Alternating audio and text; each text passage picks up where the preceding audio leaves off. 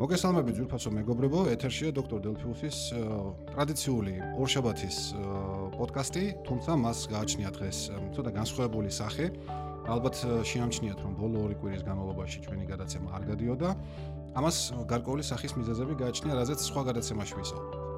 დღეს არასტანდარტულ დროს და არასტანდარტულ ფორმატში ჩემი გადაცემა კლავ ეთერშია და მინდა გაგაცნოთ თემა თუ რის გარშემო ვისაუბრებთ დღეს. ალბათ ზოგიერთ თქვენგანს Facebook-ზე შემჩნეული გაქვთ და გაწევრიანებული ცხართ ღონისძიებაში, ეგრეთ წოდებულ event-ში, რომელიც შეეხება თბილისში სტარტაპ ვიკენდის ჩატარებას. ძალიან საინტერესო ღონისძიებაა და მე წილად ხვდა ბედნიერება, რომ უფრო აქტიურად და ფართოდ გამემშუქებინა აღნიშნული ღონისძიება. რასთან დაკავშირებით შემოგთავაზებთ ორ გადაცემას, სავარაუდოდ ორ გადაცემას, ერთ-ერთი მათგანს ეხლა გთავაზობთ, ხოლო მეორეს ალბათ ღონისძიების დასრულების შემდეგ, სადაც შევაჯამებთ მთლიანად ღონისძიების შედეგებს და ვისაუბრებთ კიდევ უფრო ვრცლად. და რა თქმა უნდა, ასევე ბლოგში იქნება ფართო სტატია მთლიანად ამ ღონისძიებასთან დაკავშირებით. გამოდელ გადაცემაში მე მოვიწვიე სტუმრად აღნიშნული ღონისძიების ხელმძღვანელი და ასე ვთქვათ მთლიანად ამ პროექტის ხელმძღვანელი ბატონი გოგა მელიქიძე, რომელიც გახლავთ Liberty Capital-ის დირექტორი და SmartX-ის გენერალური დირექტორი. მოგესალმებით ბატონო გოგა. გამარჯობათ. დიდი მადლობა მოწვევისთვის. ჩემთვისაც ასევე ძალიან დიდი პატივია, რომ თქვენ მოგზანდით ჩემს გადაცემაში. აა მე შევეცდები დაგისვათ რამდენიმე კითხვა, რომელიც ჩვენს სმენელს მისცემს საშუალებას უფრო ფართოდ გაიგოს იმის შესახებ თუ რას ეხება ეს ღონისძიება. მაგრამ მოდით მანამდე მივყვეთ თქვა თანმიმდევრობას. თუ შეიძლება მოგვიყევით რა არის SmartX ჯგუფი აა და რატომ გადაწყვიტა მან აღნიშნული ღონისძიების ჩატარება საქართველოში? დიახ, SmartX ჯგუფი არის საქართველოში პირველი სტარტაპ ბიზნესების ინკუბატორი. აა ძირითადად სტარტაპ ბიზნესები არიან წარმოდგენილები ინფორმაციულ ტექნოლოგიების სფეროში. და ამავდროულად გარდა ინკუბატორის ფუნქციისა, SmartX-ი ასევე წარმოადგენს საქართველოს პირველ ვენჩერულ საინვესტიციო ფონდს, რომელიც საკმაოდ წარმატებით ბოლო 2 წელს განმავლობაში ახდენს ინვესტირებას ქართულ ინტერნეტ სტარტაპებში. მაგალითისათვის დღესდღეობით დაახლოებით 14-მდე სხვადასხვა სტარტაპ ბიზნესში განახორციელა SmartX-მა ინვესტიცია ქართულში. და დაახლოებით 3 უცხოურ ინტერნეტ სტარტაპში. ძალიან კარგი. აი დაახლო რამოდენიმე მათგანს ხოლმე ჩამოგვიტვლით, რომლები არიან თქვა SmartX-ის კოლგის ქვეშ გაერთიანებული. აა საკმაოდ ცნობილი ქართული ინტერნეტ კომპანიები, მაგალითად იმანი, რომელიც არის ასე ვთქვათ ქართული ელექტრონული საფულე და ვიტყვი რომ ასე ვთქვათ PayPal-ის ქართული ანალოგი. დაახლოებით იმანიში ყავს მილიონამდე რეგისტრირებული მომხმარებელი, რაც საქართველოს ელექტრონულ კომერციაში საკმაოდ მაღალი ციფრია. აა ასევე არის Swoopy, რომელიც არის ასე ვთქვათ ფასდაკლებების და ვაუჩერების აა ასე ვთქვათ შეთავაზებების ელექტრონული ვებსაიტი და საკმაოდ წარმატებული და ცნობილი. ასევე ცნობილი არის MyPhone, რომელიც არის ეგრეთ წოდებული VoIP, ანუ ასე ვთქვათ ინტერნეტ კომუნიკაციის კომპანია. ასევე ჩვენ პორტფოლში შედის ცოტა ხნის წინ დამატებული არის taxi 24, რომელიც არის ინტერნეტ გამოძახება taxi-ის, ასევე place to be, რომელიც არის საქართველოსში ქართული ალბათ ყველაზე წარმატებული აპლიკაცია და ახლობით 4000 ჩამოკაჩვა აქვს უკვე ეს ვთქვათ ჩამოტვირთვა. აა იგი iOS-ია წარმოდგენილი და მალე იქნება უკვე Android-ზეც. აა გვაქვს Money Movers, რომელიც ესე ვთქვათ არის ელექტრონული აა დილერი სხვადასხვა ელექტრონული საფულეების, იგი ახდენს კონვერტირებას.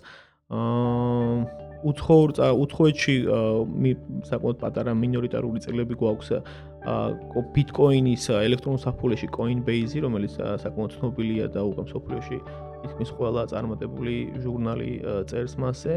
ასევე არის TransferWise, რომელიც ასევე ძალიან წარმატებული სტარტაპია სოფლიოში, ის არის უბრალოდ ფულის გადარიცხვა სოფლიოს ნებისმიერ წერტილ და ნებისმიერ წერტილში და გვაქვს ესე ეგრეთ წოდებული Friendly.me, რომელიც არის უკრაინულ-რუსული სტარტაპი.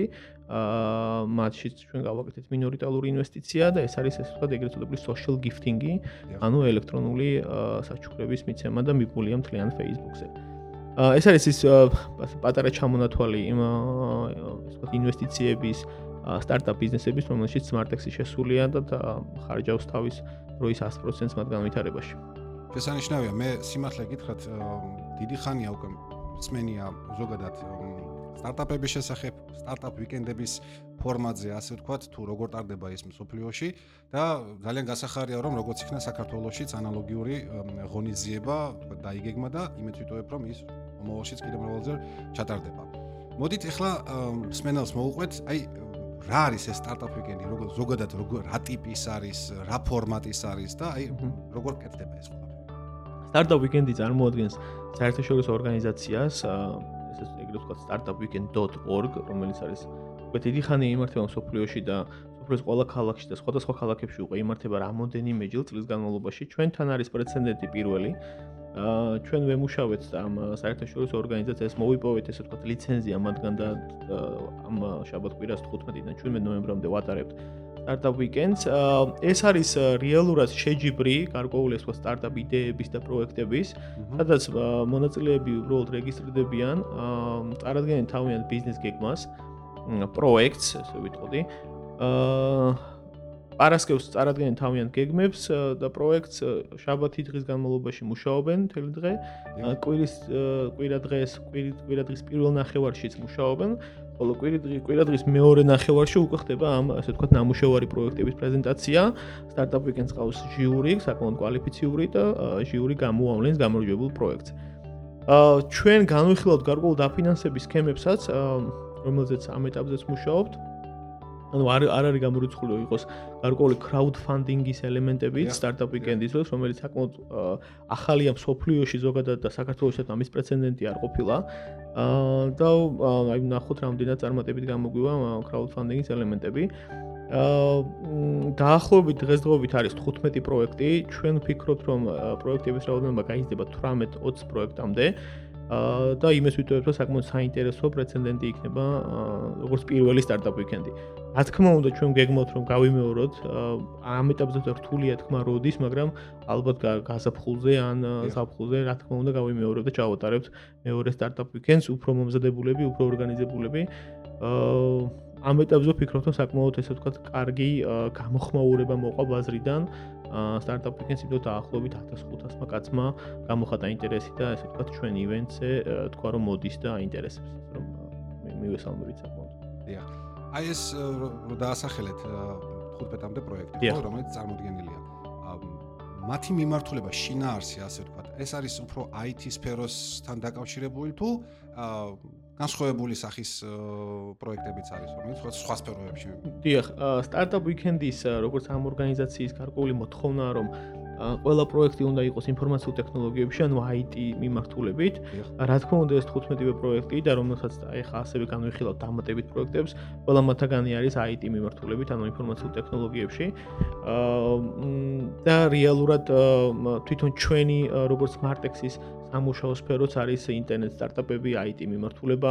ჩვენ ნაკლებად განვიხილავთ სტარტაპებს რეალურ ინდუსტრიაში და სტარტაპ ვიკენდი როგორც ესეთი ორგანიზაცია ისაც ნაკლებად განიხილავს, ესე ვთქვათ, პროექტებს რეალურ ინდუსტრიაში ან მომსახურების ინდუსტრიაში ისინი არიან როგორც ესე ინფორმაციულ ტექნოლოგიებში, მაგრამ ინფორმაციულ ტექნოლოგიებში არის სრული არეალი დაწყებული, საკმაოდ სფეროა დაწყებული ონლაინ გადახდებით, ამთავრებული თამაშებით, აპლიკაციებით, არ ვიცი, ნებისმიერი ელექტრონული ფულით, ასე შემდეგ და ასე შემდეგ. ასე რომ მან შეზღუდვა არ არის, მაგრამ უნდა იყოს ინფორმაციულ ტექნოლოგიებში სტარტაპი.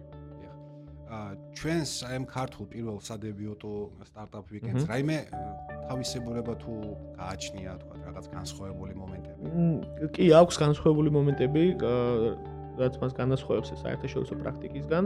მაგალითად ჩვენ გავაკეთეთ სტარტაპ ვიკენდი, რომ მასში რეგისტრაცია არის უფასო, როცა სხვაგან, მაგალითად ნებისმიერ სხვა ქვეყანაში, თუნდაც ჩვენს უახლოეს მეზობელ ქვეყნებში, მაგალითად აზერბაიჯანში რო ჩატატა იქ რეგისტრაცია ეგ დაკარგული თანხა, ზოგადად საშუალო ფასი არის 75 ევრო. ჩვენ შემთხვევაში ჩვენ მივახციეთ მათთან მოლაპარაკებებს და გავაკეთეთ უფასო, ანუ ნებისმიერ, ასე ვთქვათ, დაინტერესებულ პირს შეეძლო მონაწილეობის მიღება მარტივი Facebook რეგისტრაციით. ასე რომ ეს ეს ეს ძირითადი გამოსხობელი იყო ეს, რომ ჩვენ ეგრევე იაფი იაფიკა საერთოდ უბრალოდ გავხადეთ მონაწილეებისათვის სტარტაპ ვიკენდში მონაწილეობის მიღება. მისასალმებელია ნამდვილად, ძალიან კარგია, მით უმეტეს პირველი სადებიუტო აა ღონისძიებისათვის, ну, შემდგომში უკვე რომ გამოჩნდება როგორც იქნება.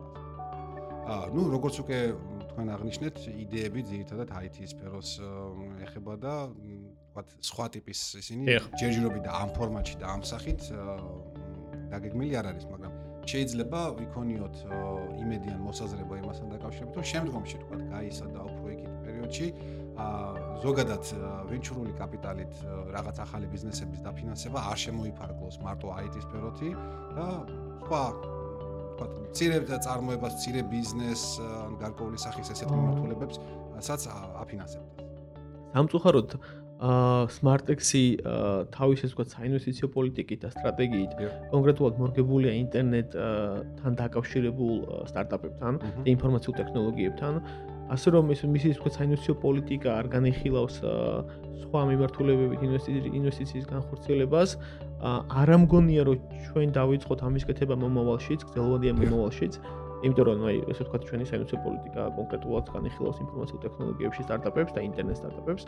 ასე რომ სამწუხაროდ მიუსალმობოდი საქართველოს შეიქმნა სხვა ვენჩერული ფირმები, რომლებიც აი რაღაც სტარტაპებს დააფინანსებდნენ იგივე ინტენსიურობით და ესე ვთქვათ პროაქტიულობით, როგორც ჩვენ ამას ვაკეთებთ ინფორმაციულ ტექნოლოგიებში, მაგრამ კონკრეტულად Smart-X-ი არ ამგონია რომ ჩაერთოს ამაში.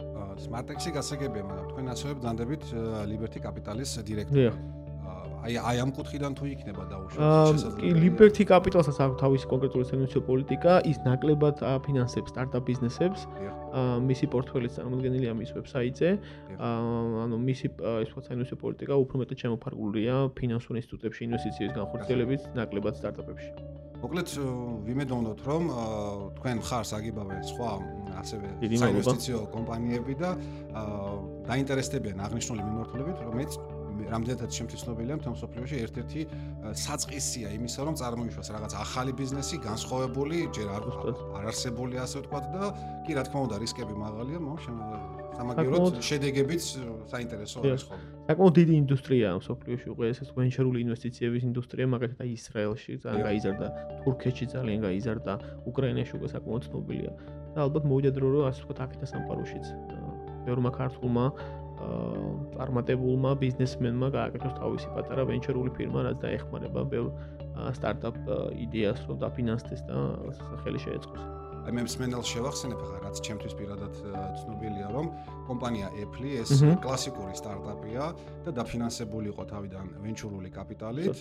აა 100000 დოლარის ოდენობით იყო მასში ჩადებული 77 წელს და შემდგომში უკვე თუ რა შედეგებამდე მიაღწია ამ კომპანიამ და რა წარმოადგენს ის ახლა თქვენთვის ყველასთვის ცნობილია ძირფასო მსმენელებო ასე რომ მე ვინც ჩვენ დღეს გვისმენს მე ვურჩევდი რომ ну ამჟამინდელ ღონისძიებაში ალბათ უკვე ვეღარ შეძლებენ მონაწილეობის მიღებას და თქვა რეგისტრაციას ვინედან ის უკვე დაიწყო. მაგრამ შემდგომში როდესაც Smart-X-ი ჩაატარებს და მე იმეც ვიტოვებ რომ ის აუცილებლად ჩაატარებს კიდევ სხვა ღონისძიებებს. მიიღეთ მონაწილეობა, წარმოადგინეთ თქვენი იდეები, თქვენი პროექტები და რაიც იქნებ Apple-ის ნაირი ან კიდევ უფრო დიდი ფინანსურად და ვთქვათ მოცულობით უფრო დიდი კომპანია შექმნათ და ეს იყოს ქართული კომპანია, რაც ჩვენთვის კიდევ უფრო მეტად საინტერესო და სასურველი იქნება. ჯერჯერობით ალბათ ბატონო გოგა იმედებ იმედების გამართლებაზე ნაადრევი იქნება ალბათ საუბარი ვინაიდან ღონისძიება არ დასრულებულა, მაგრამ აა ეტაპი, აი ხლა რა ეტაპზე ვართ პროცესი სად არის მისული, ასე ვთქვათ და საორგანიზაციო პროცესი მთლიანად დასრულებულია.